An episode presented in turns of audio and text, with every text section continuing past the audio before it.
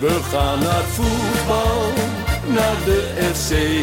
En dan is het Dat eh, is Jan van Dijk die het clubteam, beslist. Ja, fantastisch gaat natuurlijk. Is tegen Ajax of bij een oor. Roestak en het is 2-0. Juichen wij als FC Roestak met zijn tweede.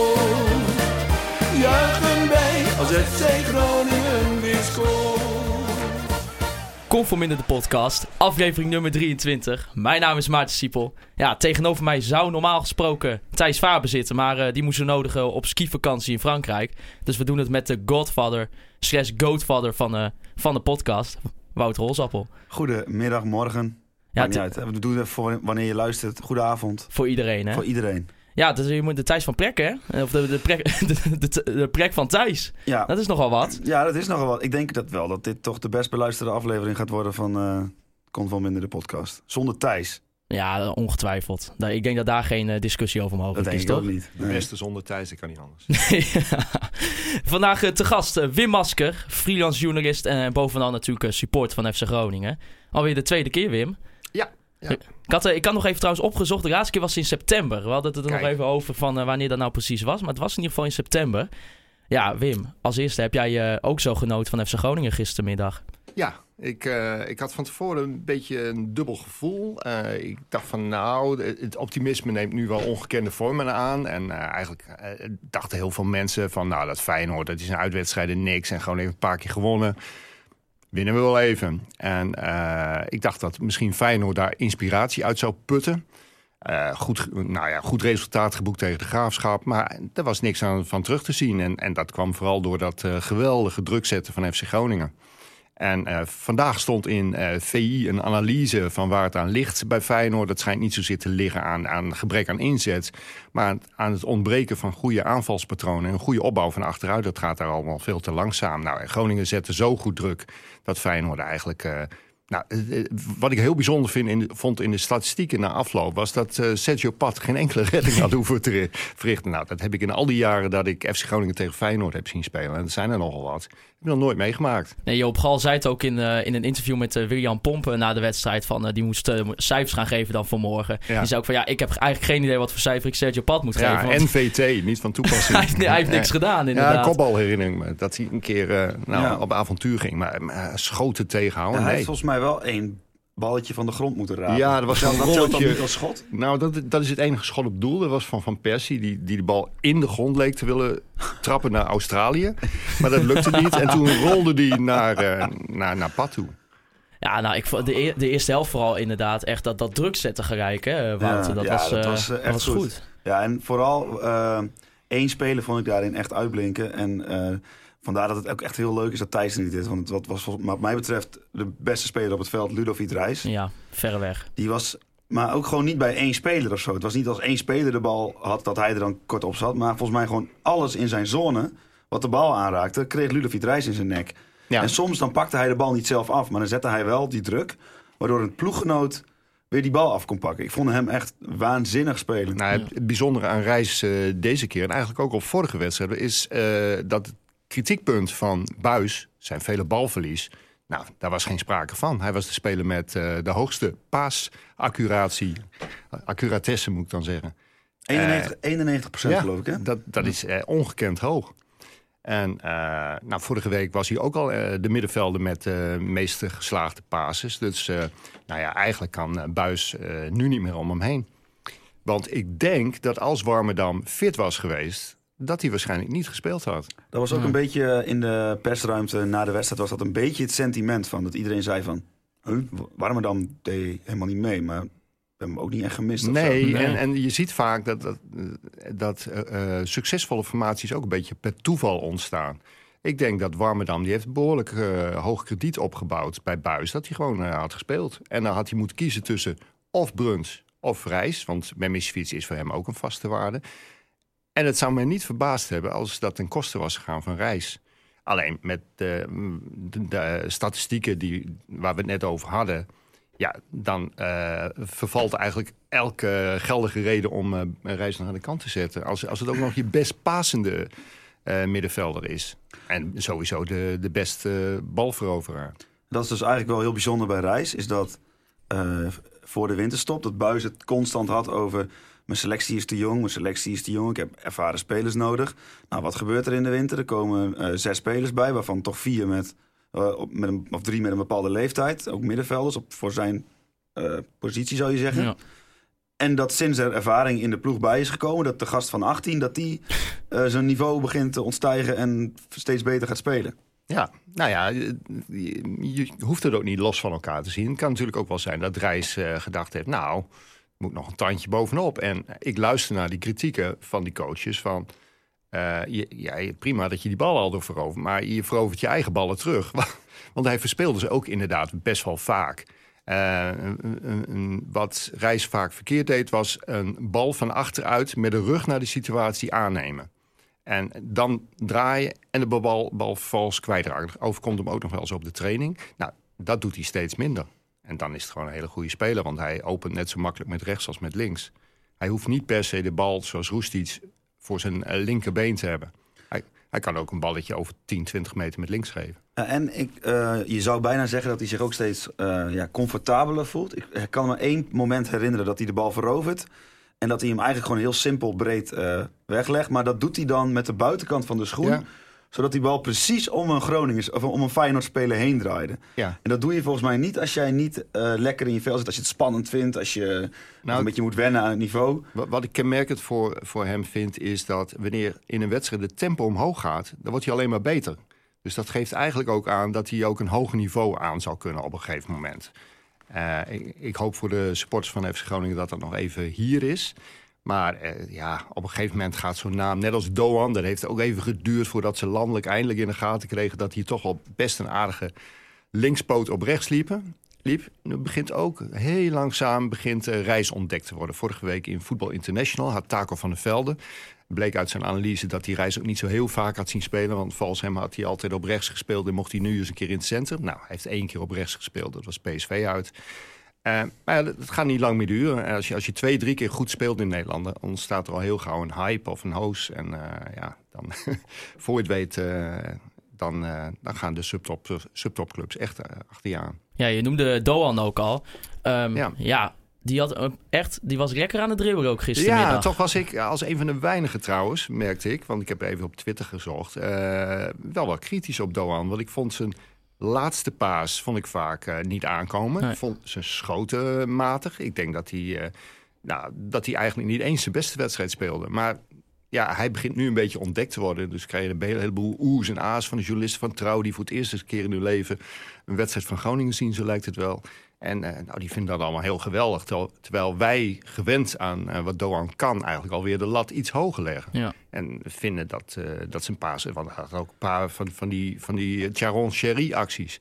Schoten die nergens op sloegen. Uh, ja, dat, eigenlijk kan hij... Ik, ik ben benieuwd hoe hij er zelf op terugkijkt. Ja, nee, ik snap je wel. Want ik, ik had ook, er was ook op een gegeven moment een, een beetje een cruciaal moment op, in, de laatste, in het laatste kwartier... dat hij de bal verloor. En ja. uh, eigenlijk ook heel onnodig. Hè? De, ja, dat je dan klopt. denkt van, nou ja, stel voor ze, ze zullen met de Ja. counter even dan 1-1 maken. Ja, weet je hij wel. dribbelde een paar keer in situaties eh, tegen twee, drie man. En, en dat ging inderdaad twee keer mis. En ja, dan kan er... eh, De ploeg was al moe. In dat laatste kwartier dan moet je wat zuinig eh, spelen. En uh, mijn moment van de wedstrijd, mag ik dat ook even noemen? Natuurlijk. Dat is echt die fenomenale tackle van Chabot. Oh, Chabot. op het laatste, hè? Dat is Ja. echt bizar, want je zit gewoon...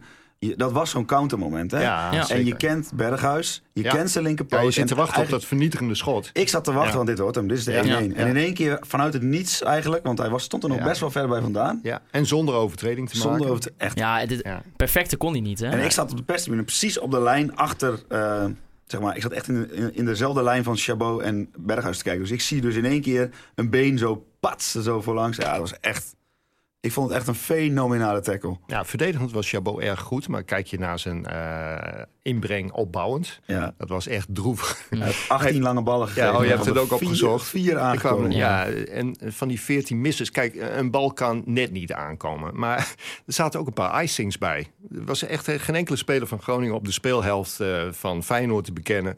En die bal werd er niet min naartoe gespeeld. Dat is dan wel verbazingwekkend. Want dan weet je zeker dat balverlies is. Ja, eh, Wim, wij weten wat icing is, want wij zijn Ja. laatst bij ijshockey geweest. Maar Oh ja. kun, kun je nog even Ja. uitleggen wat je bedoelt? icing is dat, dat de puck die wordt eh, eh, op de andere speelhelft gespeeld... terwijl er geen spelers van jezelf aanwezig zijn. Ja, nee, dat, ik merkte dat ook vooral een beetje in die tweede helft ook, dat het Ja. veel gebeurde. En ik, ik moet zeggen, ik was er ook een beetje bang voor. Want de tweede helft leek het alsof Feyenoord een beetje iets meer... Ja, ze controle schoven wat meer kreeg. op. Groningen kon die drukken niet meer ophouden, wat het Nee. logisch was.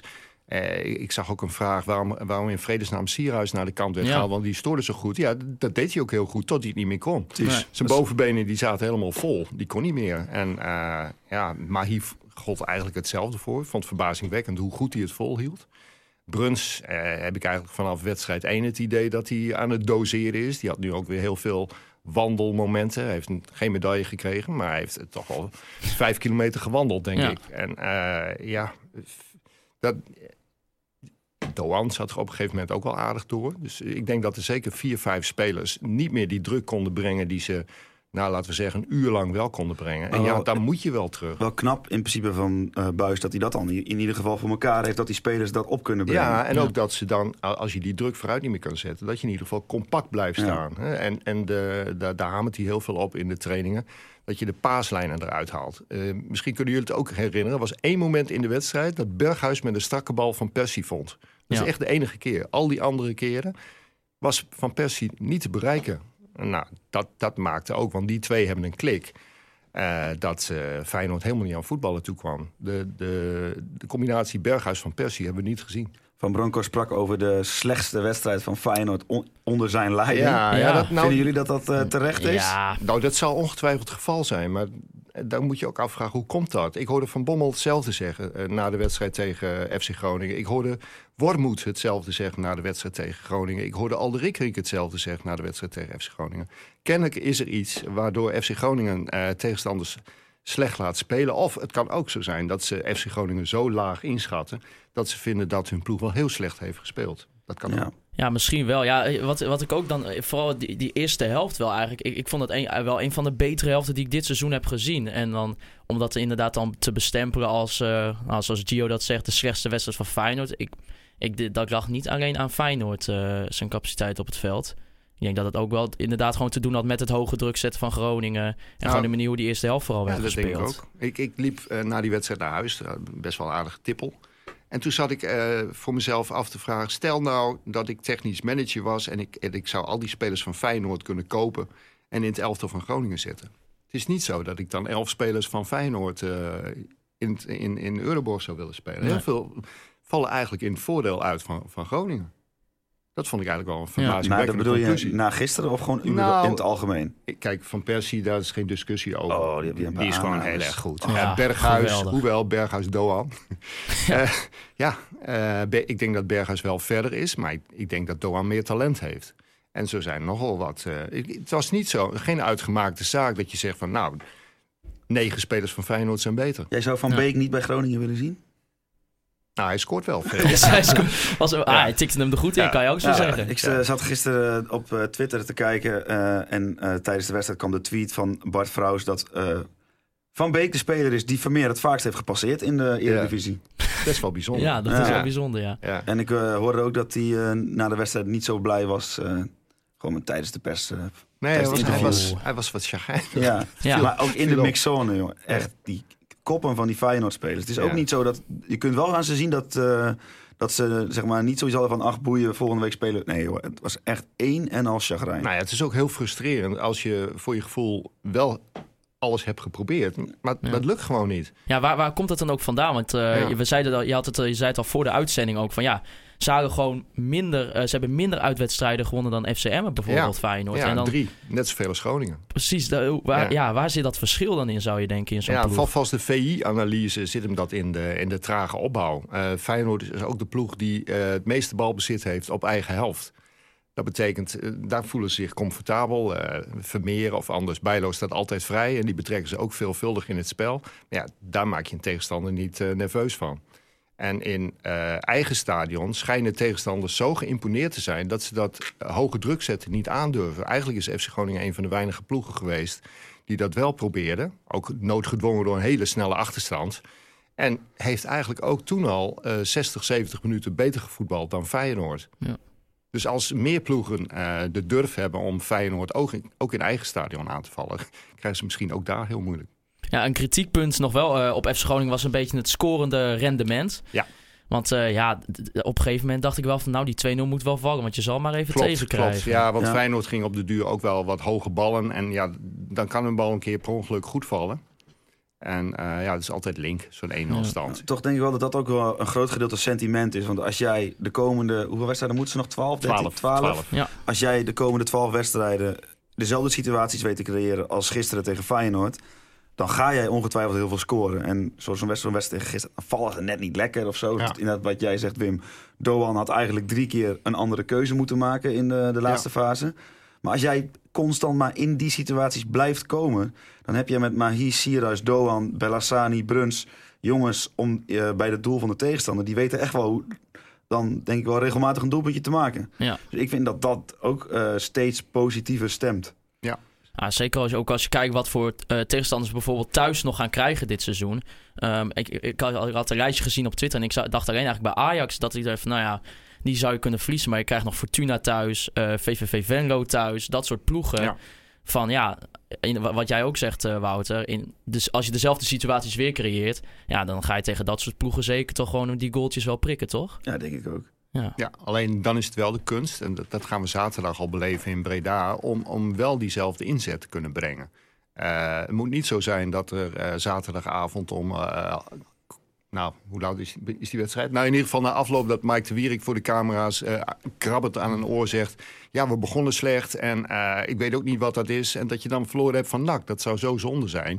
Je moet nu als spelersgroep zeggen van dat gaat ons niet overkomen. We gaan eh, niet doen alsof we zomaar even van NAC kunnen winnen. Eh, die thuiswedstrijd won FC Groningen met 5-2. Maar dat was niet eh, dat Groningen nou zo heel veel beter was. Nee, dat was eh, wel een hele leuke wedstrijd... ja. waarin Mahi toevallig twee keer scoorde, Ja. weet, ik, weet ik nog. Ja. Voor de rest. ja, dat was een geweldige laatste 20 minuten. Ja. Waar je naar achterstand van 2-1 weer omgebogen. Er is nog wel iets wat ik eh, altijd leuk vind eh, aan eh, Danny Buis... en aan de manier hoe hij zijn team prepareert. En ik vond dat gisteren een van de weinige voorbeelden was... dat je zag dat het ook echt werkte. Dat is die aftrap die ze dan krijgen aan het begin. Ja. Die Ja. werd meteen weer lang gegooid op een, de teruggekeerde zeefuik... die wat mij betreft overigens ook een geweldige wedstrijd Geweldig. Ja, gespeeld. Echt geweldig. En je ziet toch meteen, en dat is ook wat Danny ons uitgelegd heeft een keer bij het persmoment. eh, je kunt daar meteen in die hoek of de bal winnen of druk Ja, zetten. en het was precies. meteen, Groningen, eh Feyenoord st- stond meteen vast. Ja. Ja, want en, en er komt nog bij dat hij in de helft van de val, gevallen ook nog eh, het kopduel wint. Ja, En eh, wa- wat zagen, waar heeft het Groningse publiek nou zo'n ongelofelijke hekel aan gekregen bij FC Groningen in de periode dat ze heel zorg, eh, verzorgd wilden voetballen? Dat was dat de opbouw begon met Pat. Die rolde de bal uit naar de rechter centrale verdediger. Eh, ik denk dat heel veel mensen koude rillingen krijgen als ze Etienne Rijnen dan weer voor zich zien. Ja. En Rijnen die, die wachtte dan net zo lang tot iedereen in de dekking stond. Hij wist dat Pat vrij stond en schoof hem dan terug naar Pat. Nou, Pat die schoof hem dan naar de linkerkant, kreeg je hetzelfde verhaal. En op een gegeven moment werd er zoveel druk gezet dat Pat die bal uiteindelijk, wat hij nu ook doet, maar naar voren knalde. Maar dan was je alweer nou, een halve minuut tot een minuut verder, terwijl je alleen maar had zitten ergeren. Nu kun je ook wel kritisch zeggen, ja, de helft van de ballen, en soms nog minder van Pat, die komen niet aan. Maar we zijn wel verlost van dat eh hemeltergende rondspelen achterin. Wat uiteindelijk uitgesteld balverlies van Pat was. Want die bal kwam uiteindelijk toch bij Pat, die hem dan een hands naar voren geeft.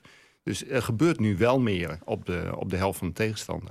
Door die vaak on, eh, onnauwkeurige ballen. En over eh Zeefuik gesproken, ehm, de aanwezigheid van Zeefuik draagt ook bij aan ehm, hoe Doan speelt. Ik had daar afgelopen vrijdag wat vragen over richting Buis. eh, van hoe kan het nou dat Doan zo'n belangrijke speler... dat hij alleen maar met zijn hakken aan de zijlijn stond tegen... eh, eh, wie was het vorige week? Vitesse. Vitesse, Vitesse, ja. En eh Buis die heeft dat liever ook niet. Maar die zegt, ja, als ik te Wierik rechtsback heb staan... dat is niet echt een aan- aanvallend ingestelde back. Dus die blijft heel erg achter.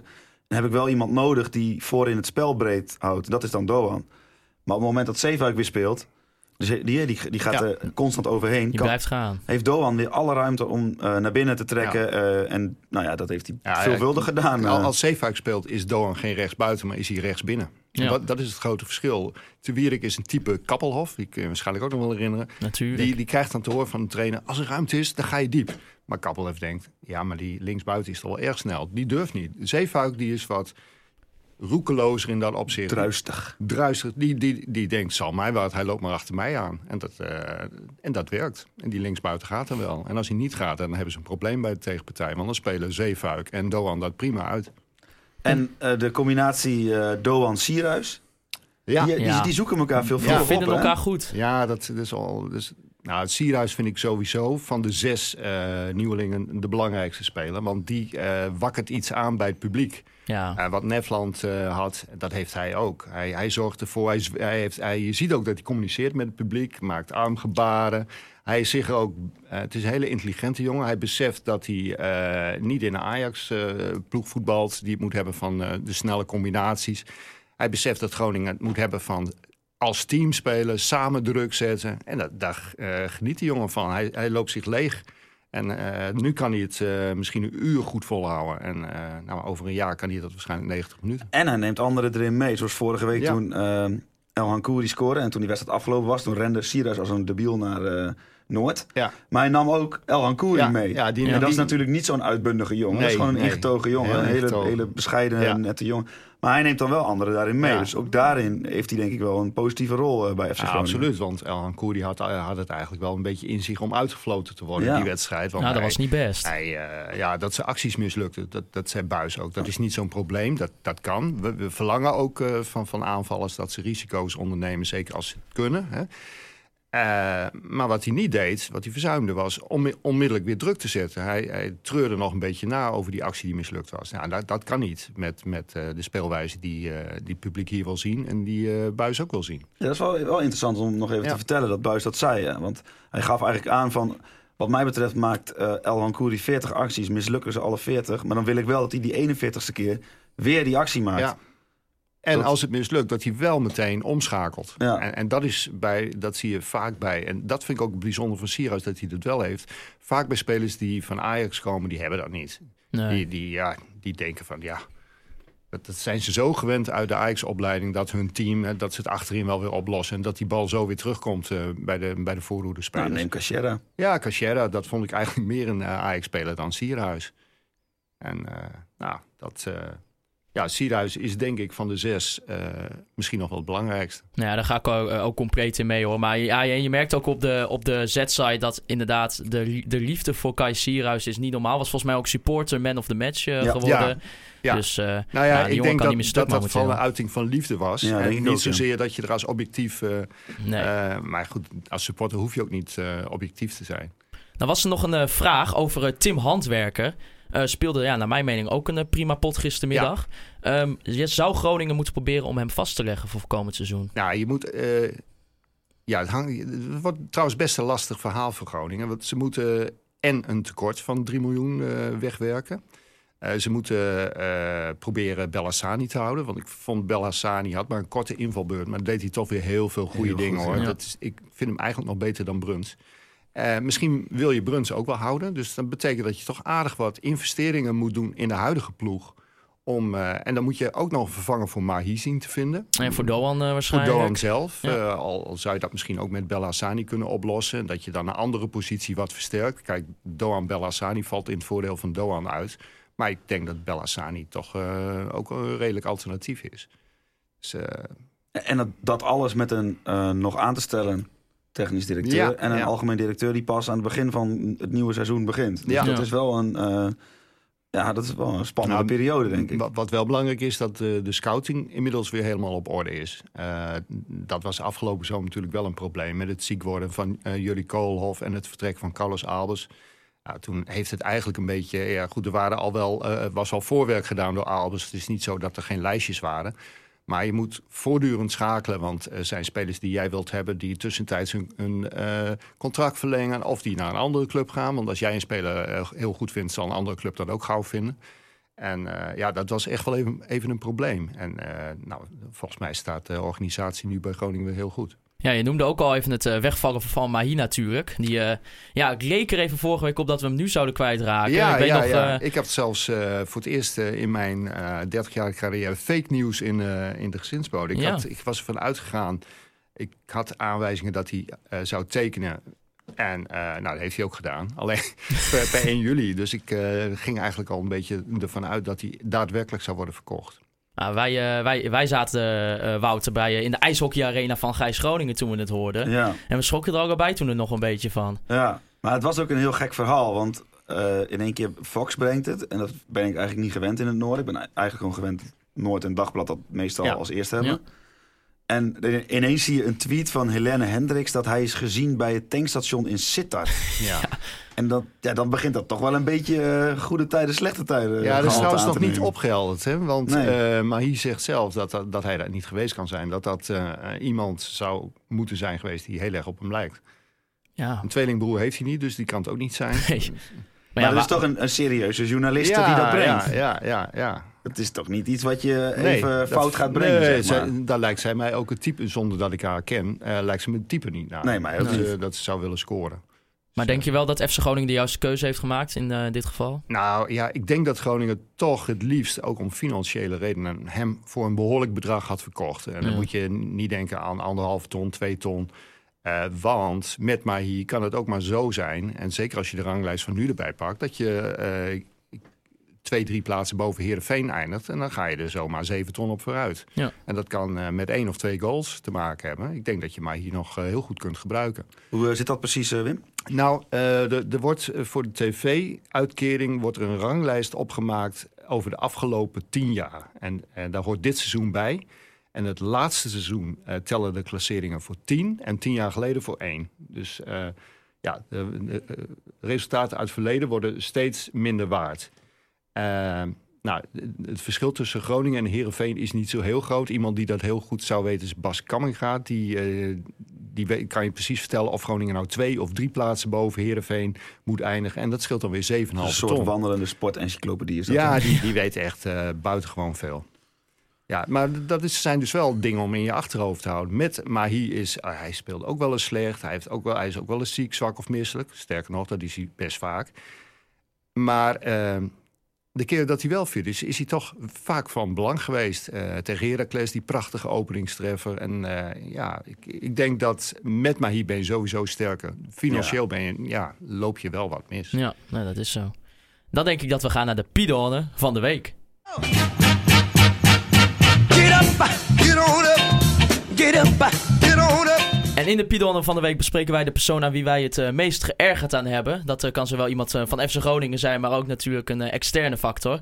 Nu weet ik zelf nog niet, Wouter, welke Pidone jij hebt gekozen. Jij hield het nog even spannend voor mij. Ja, ik mocht het kiezen deze week. Ja. En voor mij is er maar één onbetwiste Pidone van de week. En dat is Thijs Faber.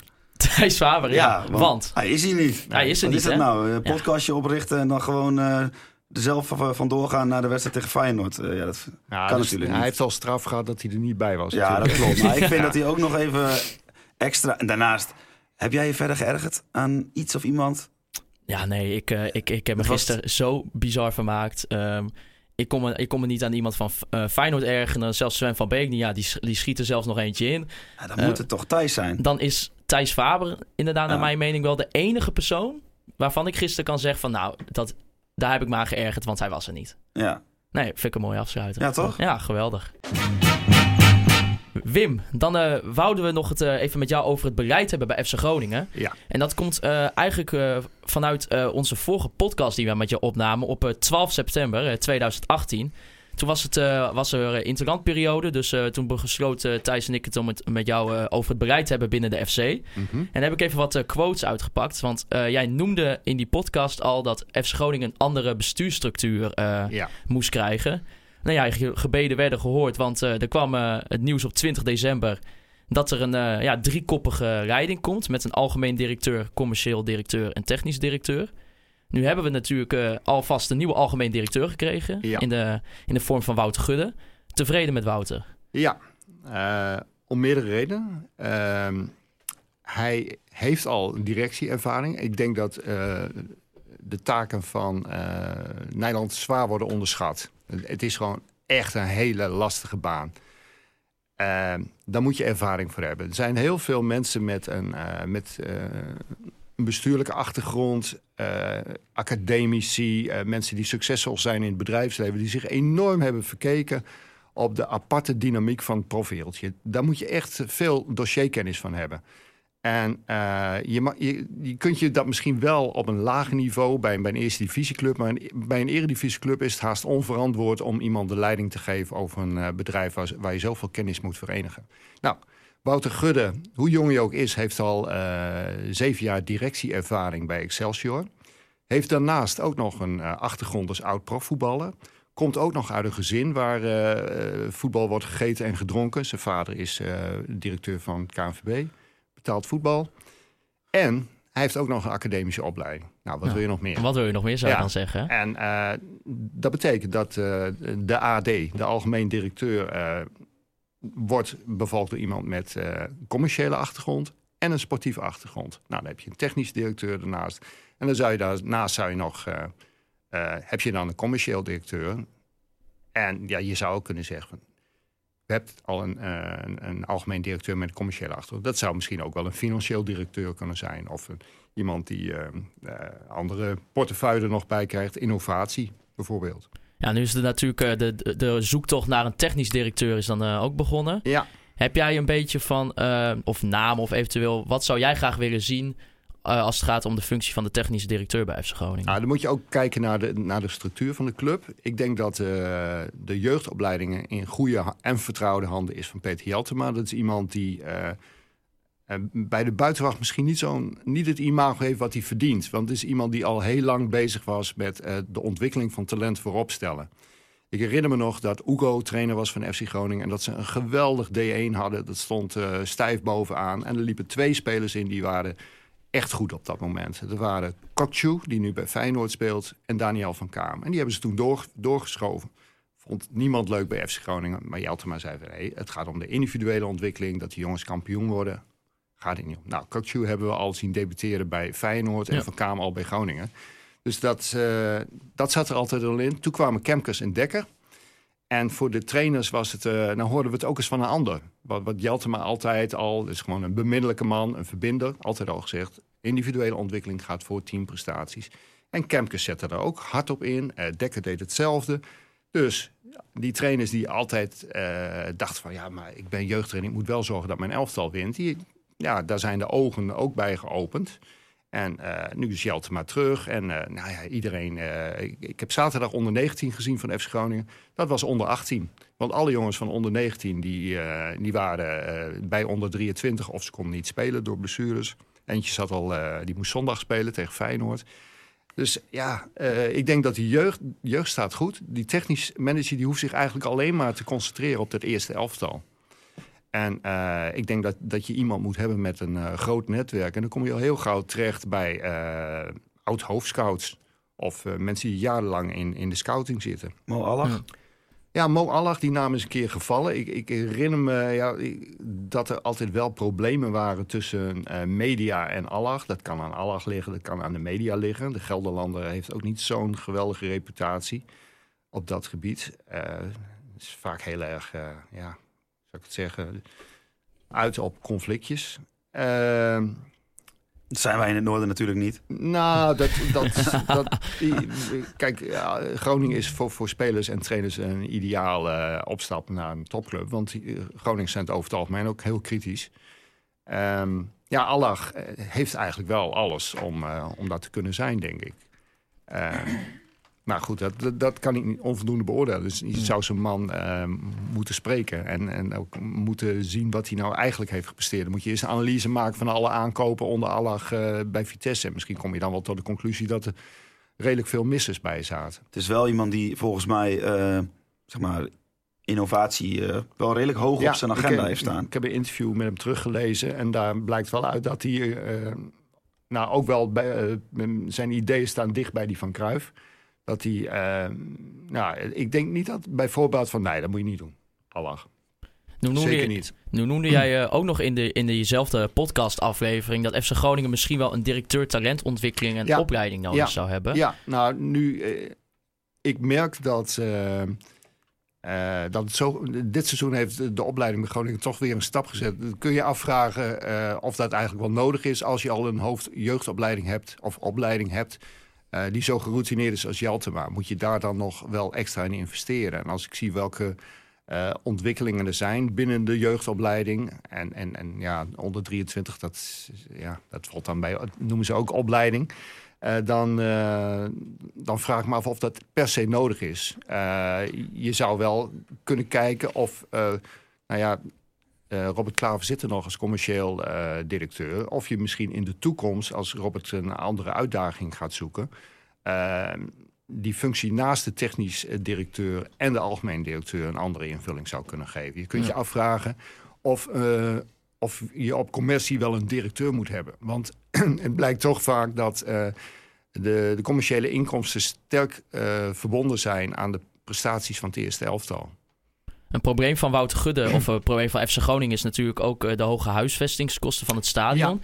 Zie je daarin voor, eh, voor Gudde ook een, ja, een belangrijke taak om dat probleem eh, op te lossen? Nou ja, ik denk dat je dan moet toch denken aan eh, investeerders. Die, eh, je, je kunt wel steeds spelersfondsen in het leven roepen. Maar ja, je haalt spelers en er zit een groot risico aan vast. Het kan ook maar zo dat het niks oplevert. Er zijn voorbeelden te over van.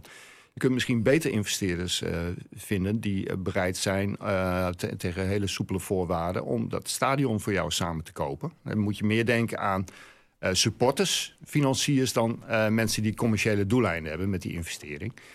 Want die huisvestingslasten die, die bedragen zo ongeveer 3 miljoen. Dat zou veel lager moeten zijn. Ja. En dan heb je ook een structurele oplossing. Kijk, een speler voor, voor 4 miljoen kopen, ja, daar, daar kan van alles mee misgaan. Die, die kan zijn kruisbanden scheuren. De- nou, dat vind ik eigenlijk eh te riskante investering. Je kunt beter iets voor de, voor, nou, voor de eeuwigheid tussen aanhalingstekens doen. En dat is eh, zorgen dat die huisvestingslasten structureel omlaag gaan van nu iets van, van 3 miljoen naar, eh, la- laten we zeggen, een miljoen. En waarom is dat nog niet gebeurd, denk jij? Ja, omdat eh, toch in eerste instantie naar, naar eh, de spelers wordt Voetbal gekeken. is Wat ook logisch ja, is. Te Maar ja, opportunistisch ingesteld om... eh, Ja, nou je ziet nu ook dat, dat degene die in Friesland IJsing- IJsinga moeten gaan opvolgen met Heerenveen... die gaan ook vooral inzetten op... want Heerenveen die betaalt nog meer voor het stadion. Het is ook iets groter dan Urenborg. eh, dan Groningen. En ehm, ja, die, die willen dat ook omlaag brengen. Want dat, dat komt elk jaar weer terug. Die 2 miljoen die ze daar betalen. En Groningen zit er niet ver onder. Maar en eh, als je dan kijkt naar het beleid van FC Groningen als het gaat... eh nou, Groningen heeft de visie van talent op één. Ja, Eh noem, noemde jij in een, in een artikel van Sport in Stad van ja, talent wordt even op twee gezet. ja. Ehm, vind je dat dan, snap je de beslissing daarin? Ja, Gezien de eh, situatie Wat dat betreft ben ik het wel met Buis eens. Eh, je, je hebt om talent zich te laten ontwikkelen ook wel eh, volwassen spelers dat nodig. zie je nu eigenlijk met Ja. Ja. En t- maar talent op Ja. één, dat, dat moet je een beetje zien als... eh, tuurlijk zet Groningen nog steeds talent op één. In de jeugdopleiding wordt vol ingezet op... eh, eh, andere manier, niet alleen vaker trainen, maar ook anders trainen, andere disciplines bij betrekken. Alleen dat gebeurt een beetje achter de schermen. En op een gegeven moment ga je zien dat er steeds meer spelers het niveau gaan aantikken. Dat zul je niet alleen zien het aantal spelers die het eerste elfte gaan halen, maar ook aan het niveau van de afvallers. Dat is al gestegen de afgelopen jaren. Kijk maar wat er bij Emmen rondloopt. Vroeger moest je met een lantaarntje zoeken naar spelers die de opleiding eh, hadden doorlopen, niet bij Groningen waren geslaagd en dan ergens anders terechtkwamen. Dat waren meestal jongens die ook in de eerste divisie op de bank zaten of in de hoofdklasse speelden toen de topklasse er nog niet was en later de tweede en derde divisie. Dus er is al wel wat vooruitgang, maar ik verwacht dat de komende jaren eh, er nog steeds meer spelers gaan doorbreken, naar, ook naar andere clubs in het betaalde voetbal. Net even onder FC Groningen. Want hoe kijk je dan naar de huidige nou, onder 23, onder 19 als Nou, team zijnde? Nou, onder 23 eh, heb je een groep van jonge senioren. Eh, Toch nou, al wel in de twintig, toch? Ja, ja, dat zijn jongens die, die zijn eerste, tweede, derde jaar senior. En om eerlijk te zijn zie ik daar niet zo heel veel perspectief. Eh, de, de junioren eh, die erin spelen, jongens van Lichting eh, Reis, geboren in, in 2000. Daar zitten nog wel twee, drie spelers bij die het misschien zouden kunnen geredden. 2001 heb je ook weer een handjevol. 2002 heb je een handjevol. En dat zijn er meer dan vroeger waren. Vroeger had je bijvoorbeeld de lichting van Juninho Bacuna. Was er eigenlijk maar één, twee spelers. En nu heb je er wel vier, vijf waarvan je hoopt, denkt dat ze misschien ook gaan aanhaken. Nou, dat Jij is- bent vooral fan van, eh, eh, even om, om de Groningen-fans alvast iets om vooruit te kijken te ge- geven. Remco Balk. Daar ben ja. jij wel behoorlijk gecharmeerd Ja, van, daar toch? ben ik erg gecharmeerd van. Dat is een, eh, een jongen die is van... eh, dat is een eerstejaars A-junior. Die, die is ook al meegeweest eh, op trainingskamp in Duitsland. Dat is een jongen die... eh nou, buiten het veld een hele bescheiden jongen. Maar in het veld is een gifkikkertje. Hij is snel, hij is behendig. Hij is, ziet eruit als een lichtgewichtje, maar Sterk. hij is wel sterk. Ja. En eh, ja, dat vind ik een hele int- interessante speler. Maar ook, eh, het is ook gewoon Zou- Het zou voor Groningen-fans toch fantastisch zijn dat Remco Balk Ja, uit Zuidhoorn, Zuidhoorn. Ja, in van- het eerste elftal van Groningen Van speelt. Zaalbalk. Eh, ja, dat is zijn vader eh, in Zuidhoorn. Dat, dat zou ik ook geweldig vinden als die, die jongen het haalt. Ja, Thijs noemde hem al de Zratan van Zuidhoorn. Nou, dat, ik, zie, ik zie geen enkele gelijkenis. Maar het is wel leuk dat hij dat dan zo noemt. Dan denk ik Moet dat we gaan, eh, even gaan voorbeschouwen. Want eh Ja. NAC Breda FC Groningen aanstaande zaterdagavond. Ga je Ja. erheen, eh, Maarten? Nee, ik ga er niet heen. Gaat Thijs erin of is hij dan nog niet terug? Ehm, ik weet niet of Thijs terug is, maar Thijs zei al, want ik zei ooit van, nou, ik wil, ik wil op zich wel een keer naar NAC uit. Nu kan ik niet eh, vanwege werk. Maar Thijs zei, eh, kan ik mij herinneren volgens mij dat hij altijd tegen me zei, ja, NAC, eh kloten uitvak, daar, daar wil ik niet heen. Oké. Dus ik, Dat als, is ook een waardeloos vak, daar heeft hij gelijk in. dus ik denk Ja. als Thijs terug is, maar dat durf ik dus niet zeker te zeggen, dat hij niet gaat. Oké, Dus eh, eigenlijk waardeloos eh, van onze podcast kan natuurlijk. ja. Nou, jij, jij ook niet natuurlijk, ja, jij hebt geen clubkaart. eh, Of, ja, of als pers misschien. Nee, ja, ik zou dat wel kunnen aanvragen, maar eh, dit is totaal off topic. Ik ga aanstaande zaterdag op de Bunnik site zitten. Oh? Ja, ik ga naar Utrecht Excelsior, want ik heb een eh, ja, vriend daar bij Utrecht en ik zal er nog een keer meegaan. Dus aanstaande zaterdag. NAC Breda, ehm 18e, zoals denk ik iedereen wel in de Eredivisie ook weet. Ja, een ploeg die sinds de winterstop alleen maar één keer gelijk speelde tegen ADO Den Haag. En eh, ja, voor de rest alle wedstrijden verloor. Ja, de, NAC is eigenlijk eh, exemplarisch voor hoe de Eredivisie in elkaar zit dit seizoen. Voor de winterstop pakten ze uit de laatste drie wedstrijden zeven punten. Was iedereen, eh, nou, was euforisch. Die Rosheuvel was fantastisch. Tevreden, die scoorde de ene na de andere goal. Maar die is geblesseerd geraakt. Die missen ze echt heel erg. En gisteren speelden ze tegen Ajax. Maar ze hebben de hele week helemaal niet over Ajax gehad, maar over FC Groningen. Dat zien ze als een sleutelwedstrijd. En ga er maar vanuit dat NAC echt volle bak gaat. Zoals Groningen gisteren tegen Feyenoord. En, omdat, eh, omdat Groningen een soort concurrent Groningen, ja, is. want, het, nou, is- het verschil is dus al 11 is punten. nu al geen concurrent meer. Maar dat is wel een te pakkend ploeg voor. Ja, eh, thuis. voor, eh, ja. En eh, je moet ook het eh, restpro- eh, programma van eh NAC daarna weten. Moeten ze tegen Vitesse en eh, PSV. Dat zijn geen wedstrijden die Nee. ze zomaar even winnen. Dus Groningen, dat zien ze echt als een sleutelwedstrijd. Die moeten ze winnen. Willen ze nog eh, bij die onderste... Ja, want anders gaat het tussen de Graafschap en NAC. Dus voor NAC is dit een hele belangrijke wedstrijd. NAC was gisteren, een- want ik kijk natuurlijk eventjes de wedstrijd van Ajax. Hm. Gisteren was NAC na 10 minuten waren ze al aan het tijdrekken. 10 minuten. Ja. Dus dan, het stond nog 0-0. 10 minuten begonnen ze met tijdrekken. Dus wat dat betreft Ja. kloppen de woorden van Wim denk ik wel. Want die waren, Nou, ze, ze waren, ik las vanochtend ook nog even een interviewtje met Ella Zouzi. Die zei, we werden helemaal hoor en dol getikt. Na een half uur eh, waren we al heel erg moe. Dus dat tijdrekken was eigenlijk ook een beetje op adem komen. oh ja, dat is- ja zo kun je het Ja. ook zien ja. Ja, Maar natuurlijk ook wel een belangrijke wedstrijd eh, voor onze ploeg, ja voor FC Groningen. FC Groningen nou, wat, wat ik eerder eh, tijdens de podcast zei. Van, eh, het moet niet zo zijn dat de Wierik straks na de wedstrijd als aanvoerder moet zeggen... ja, ja, ik weet ook niet wat was. We waren niet scherp genoeg.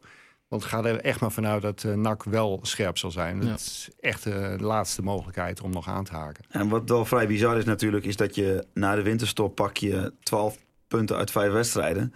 En dat de grens met plek 16 is nog steeds maar drie Ja, punten. Drie punten FCM. Ja. Ja. Dus dan sta je negende, linker rijtje, Hosanna, Hosanna, iedereen blij. We kunnen het toch wel, we gaan het linker rijtje eindigen. Als je nu drie wedstrijden verliest, dan sta je zo, sta je zo dan- weer aan de en- andere en kant je van... hebt eh, pech dat, dat de verkeerde mensen geblesseerd raken. Precies. Kijk, sommige kun je redelijk opvangen, maar andere, daar zijn geen vervangers voor. Dus Danny dat- Buis wordt tijdens het wekelijkse perspraatje wel redelijk moe van de vragen over de ranglijst, volgens Ja, mij. ik, ik snap hem ook wel. Ja, Ja, hij, heeft ook gelijk. Hij zegt, het is eigenlijk helemaal niet interessant waar we nu staan. Dat zei hij ook toen ze 16e stonden. ook toen ze 18e stonden. En dat zegt hij nu weer. En Hij zei, het gaat erom waar we staan na 34 wedstrijden. En Ja, hij beseft ook dat het een cliché is, maar het is Ja. wel waar. Een cliché is ook vaak niet voor niks een cliché. Nu is het gat natuurlijk eh, richting een play-offs plek ook maar vijf punten. Hier ja, nou ja, niet Ja. helemaal, want ervan uitgaande dat Ajax, AZ of Feyenoord de beker gaan winnen, schuift, Dan eh, wel. schuift die plek nog eentje Ja, op. ja, Dus tenzij Willem II eh, eh, nog twee wedstrijden... Ja, ook, ook dat kan. We hebben dat wel kan, ja. rare dingen gezien. Maar normaal gesproken gaat toch wel eh, een van die drie clubs die jij net noemt de beker winnen. Ja, en en, dan, dan- is nummer acht is, eh, Ja. en doet mee. Dan sta je met, en, dat, en dat is nu... VVV. En dat heeft twee punten meer en een veel slechter doelsaldo. Dat, dat is trouwens ook een bonus hè, van Groningen. Ja. Dat doelsaldo. Ja. Eh, Groningen heeft maar drie punten meer dan Emmen. Maar eigenlijk zijn het er vier. Want eh, Groningen heeft een doelsaldo van min 5 en eh, Emmen iets van min 20. Nou, dat, eh, dat verschil gaan ze niet meer inhalen. Ja, daar hebben we het eerder over deze podcast natuurlijk. Hè, dat gewoon moeilijk is om tegen Groningen te spelen. Maar ze hebben dus na eh, PSV, Ajax en AZ de minste schoten op doel tegen... of Ja. minste schoten tegen van alle clubs in de Eredivisie. Dus dat zegt natuurlijk wel... Ja, er zijn nog maar vijf clubs met minder tegengoals. Ja. Dan kan ik mij eigenlijk niet voorstellen... dan kan NAC zich nog zo boos maken. Maar ja, Nou ja, alles eh, staat of valt eh, hoe, hoe die spelers dat veld op gaan. Als ze denken van, nou, ah, het is maar nak. Ja, dan, dan, Nee, dan- ga dan ga je de finale Dan ga je af. er gewoon af. Ja. ja. En eh, nou, ik denk dat, ze- dat er genoeg karakters in dat team zitten. Te Wierik, Memisiewicz, Zeefuik, Reis en ook Sierhuis. Die die andere jongens meeslepen. En eh, nou ja, als, als dat gebeurt, dan, eh, ja, dan kun je verliezen van NAC door pech. Maar dan word je niet weggespeeld door NAC. En dat, dat, dat mag ook niet. Dan eh, gaan we voorspellen, denk ik. Eh, ja, Wouter, ik durf het bijna niet meer aan jou te vragen. Maar ik, ik gok een 5-0 eh, voor jou, denk ik. Of 0-5. 0-5. Eh, zal ik het doen? Doe maar. Oké, 0-5.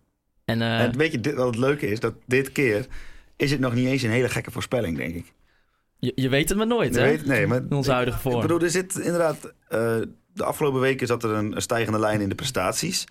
Maar toch ook nu, zeker na afgelopen zondag, een stijgende lijn in het spel. Want dat had, ik, had ik na Vitesse had ik dat nooit gezegd. Maar, maar nu naar Feyenoord, terwijl je, en dan neem je even die helft tegen eh Heracles mee. En die, eh, dat, de goede periode tegen PSV. Ja. Vind ik dat je nu langzamerhand toch wel moet kunnen zeggen... dat er ook in het spel een stijgende lijn zit. En dat geeft misschien wat meer garanties voor punten. Zeker waar. Maar dan ook vijf goals van Kai Sierhuis. Zou wel handig zijn, want hij moet er nog acht voor de, de weddenschap die ik met hem heb gesloten. Ja, want voor de mensen die dan niet weten, wat, eh, wat voor weddenschap heb je met Kai staan? Ja, ja, hij gaat mij een krat bier geven als hij geen tien keer scoort. En anders geef ik hem een reep chocola. Ja, want hij lust geen bier, hè, zei Nee. tegen jou. Ja, dat is wel, wel weer een minpuntje, ondanks dat. Ja. Maar eh, ach, Maar hij moet hij ook niet te veel uitmelken, anders wordt het zo'n dingetje. Dat is niet... eh, niet te doen. Wim, wat, eh, wat verwacht jij eh, van zijn zaterdag? Nou, ik denk dat, eh, dat ze eh, een kleine overwinning boeken. Eh, wat dat dan wordt, 0-1, 1-2, zoiets. En op voorwaarde, wat ik al nu denk ik twee of drie keer gezegd heb... dat ze gewoon serieus werk van maken en, eh, en, en vastberaden zijn... zoals ze eigenlijk na de winterstop telkens zijn. Nee, ik, eh, ik, ik ga daar compleet in mee. Ja, voor mij is het inderdaad ook... eh, speel je zoals tegen Feyenoord, dan eh, ga je er voor mij... denk ik niet dat je een hele lastige avond hebt. Maar het heeft allemaal te maken met hoe de jongens er zelf in staan. Want ja, voor, voor hetzelfde... Het is ook wel natuurlijk wel weer classic FC Groningen... om gewoon met 3-0 eraf te gaan. nou ja, opeens. ik denk dat dat sentiment bij wel meer mensen leeft. Want dat, hoe vaak heb je dat niet meegemaakt... dat FC Groningen als een zuster bloedwijn even de tegenstander weer revitaliseerde. Hè? Eh, Dr. Groningen. Dokter FC Groningen. Ja, Ja. ja, maar dit, dit soort eh, dingen roepen trouwens alle supporters van Ja. andere clubs eh, ook. Dat roepen ze bij Twente, dat roepen ze bij Herenveen. Dat, dat gevoel leeft eh, al heel gauw bij eh, supporters die bang zijn dat hun club gaat verliezen. Ja. Dan, Gaat- het gaat dus om de bereidheid om natuurlijk wel hè, de tactiek uit te voeren. Ja, nou dat, dat is het. Eh, eh, ze hebben ooit bij Groningen een soort van, van motto: eh, strijd, initiatief en discipline. Nou, dat zijn inderdaad belang. Het Gronings publiek wil strijd zien en initiatief. En je kunt ook strijd leveren door eh, met z'n allen voor je eigen strafschopgebied te gaan hangen. Nee, dat willen we hier in Groningen niet. We willen ook zien dat, dat het durf is. En discipline, dat je, dat je houdt aan de afspraak en geen eh, rare rode kaarten haalt. Nou Ja, want dat wordt natuurlijk nog wel eens onderbelicht. Maar eh, ik vind dat we, zeker na de winterstop, mogen we toch de technische staf ook wel een eh, compliment doen voor, eh, voor hoe ze het allemaal hebben opgepakt met die nieuwe spelers. Want zeker weten. Ja, zes zeker. nieuwe spelers, dat is Ja. vaak niet per se een garantie voor succes. Nee, en, en ook al eh, spelen ze niet allemaal in de basis. Als je ziet hoe een Ko Itakura zich beweegt in zo'n spelersgroep. Dat is gewoon leuk om te zien. Ja. Hele positieve jongen. Nou, Bellassani vind ik een aanwinst. Is dan nu nog geen echte basisspeler. Bruns, met al zijn tekortkomen, heeft toch een positieve invloed op het spel.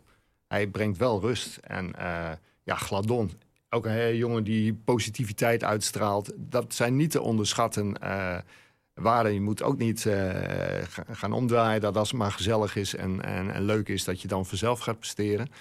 Maar nou, het, is, het is wel prettige bijkomstigheid dat die jongens naast kwaliteit ook heel goed in de groep liggen. Dat, dat is een punt wat eh, Mike de Wierik aanroerde. Heb ik nog als laatste ene ja, compleet off-topic luisteraarsvraag. Eh dat was een luisteraarsvraag van Frank. Hij stelde hem vorige week ook al. Maar heeft hij niet door ons beantwoord. Dus hij stuurde hem deze week weer in. Dus ik denk, ja, moet toch wel even worden gesteld. Anders is het ook weer zo zielig. En dat is ja, van dat, hij vroeg ons af hoe wij denken over ja, de, de naam, de shirt, eh, zeg maar de achternamen die op de borst staan in plaats van op de rug. Ah, ja, Tegenwoordig dat, bij eh, ons op de shirt. Ja, dat viel mij laatst ook op, ja. Ik dacht eerst, ze hebben geen namen. Ja. Ja, heel klein staat je- het. Dat, eh, dat zie je alleen als je speler bent in de kleedkamer. En, eh, en als tegenstander. Maar Ja, op tv zie je dat zie ik het, eh, tegenwoordig ook, ja. Maar hoe kijk jij daar nou weer? Want eh, vind je dan van, ja, eh, natuurlijk het levert wel meer sponsorgeld op. Ja, Vind ja, je- ik vind het jammer. eh, want ik vind eigenlijk wel dat je die, die namen... ah, aan de andere kant voor supporters maakt het niks uit. Als supporter Nee. ken je je eigen spelers... als die van de tegenpartij er maar op staan. Eh, dus ja, het, je moet ook weer niet te licht denken over begrotingstekort. Hè. Supporters willen ook altijd graag dat er spelers worden aangetrokken. Betere spelers worden aangetrokken. En ja, als het een ton meer oplevert... Ja, eh, Dat is gewoon het salaris van een goede het is voetballer. gewoon, ja, en, en, en daar kun je vier jeugdspelers van eh, binden... die je anders misschien naar, naar de concurrentie moet laten gaan. Daar moet je niet te licht over denken. Ik snap het ook wel, in, in de ideale wereld heb je helemaal geen sponsoring nodig. En ehm, ja, helaas. Dan denk ik dat we hem eh, kunnen gaan afronden. Volg uh, Conforminder de podcast natuurlijk op Instagram, Twitter en Facebook. Eh, volg eh, ons ook op Spotify en Soundcloud. En laat natuurlijk ook even een reactie achter op eh, iTunes. En eh, niet te vergeten, volgende week, eh, Maarten. Ja, dat, dat wordt nog een dingetje. Ik ben heel benieuwd hoe Thijs dat gaat doen. Thijs als host, hè? Thijs gaat volgende week de uitzending beginnen. Hij, is, hij stuurde mij al dat hij aan het oefenen is op de opening van, het, van de podcast. Kom veel binnen de podcast. Dus, ja. Aflevering... Hoeveel? Hoe doe je dat? Dat wordt aflevering nummer 24. Wordt dat. Aflevering nummer 24. Kan ik het? Ik, ja, misschien zou jij het zelfs wel moeten doen. Ja, dat heb ik ook gezegd tegen Thijs. Maar hij wil het echt heel graag zelf doen. Nou, dan, ik denk dat het lachen Gierenbrugge dan wordt voor de luisteraars. Ik ben heel benieuwd hoe hij dat uit zich gaat krijgen. Ja, en wat ik vooral heel benieuwd naar ben... Hij heeft natuurlijk graag het woord. En jij bent meer de aangever. Ja. Maar hoe gaat hij dat dan nu doen? Want moet hij dan en zijn mening geven en gaan aangeven? Of... Dat hij aangeeft dat hij zijn mening gaat Ik geven. weet dat de tijd doorloopt, maar ik vind dit eigenlijk ook wel een voorbeschouwing waard. ja, misschien wel hè. ja. Nou ja, ik- ik ben benieuwd. Eh, De luisteraars zullen natuurlijk heel erg benieuwd zijn. Wim, dan wil ik jou eh, natuurlijk bedanken voor eh, de komst naar de Oogstudio. Ja, graag gedaan. Wil ik Omroep Oog bedanken voor het gebruik eh, van de faciliteiten voor elke week. Free Westerhof en Mark Pepping natuurlijk voor, eh, voor de muziek, voor de intro en outro muziek. Ik zat met spanning te wachten in het stadion, maar Het is weer niet het gebeurd. is weer niet gebeurd. Komt wel, eh, we, we hebben van uh, Free te horen gekregen. Binnenkort komt hij op Spotify. Hij staat al op YouTube. Op het YouTube-kanaal van Free Westerhof is hij al in zijn eh, ja, compleetheid te luisteren. En ja, binnenkort dus op, eh, op je favoriete streaming Zelfs op de perstribune zeiden mensen tegen mij van waarom draaien ze dat nummer nou niet? Nee, nee, ik vind het belachelijk. Ehm, ja, krijg, ja, dus het gaat eh, zon- zaterdag niet gebeuren. Maar eh, de volgende thuiswedstrijd tegen VVV Venlo eh, staat die denk ik op Spotify. Nou ja, hoe moeilijk is het dan om die even in het playlistje van de nummers van, eh, in het Hitachi Capital Ja. Mobility Stadion te doen? Ja, en zeker als je hoort wat ze nu draaien, dan kan, best, eh, kan dat nummer er ook wel tussen. Groningen, je weet wat je te doen staat. En eh, als laatste wil ik u natuurlijk bedanken voor het luisteren naar Conforminder de podcast. Juichen wij als FC Groningen weer scoort.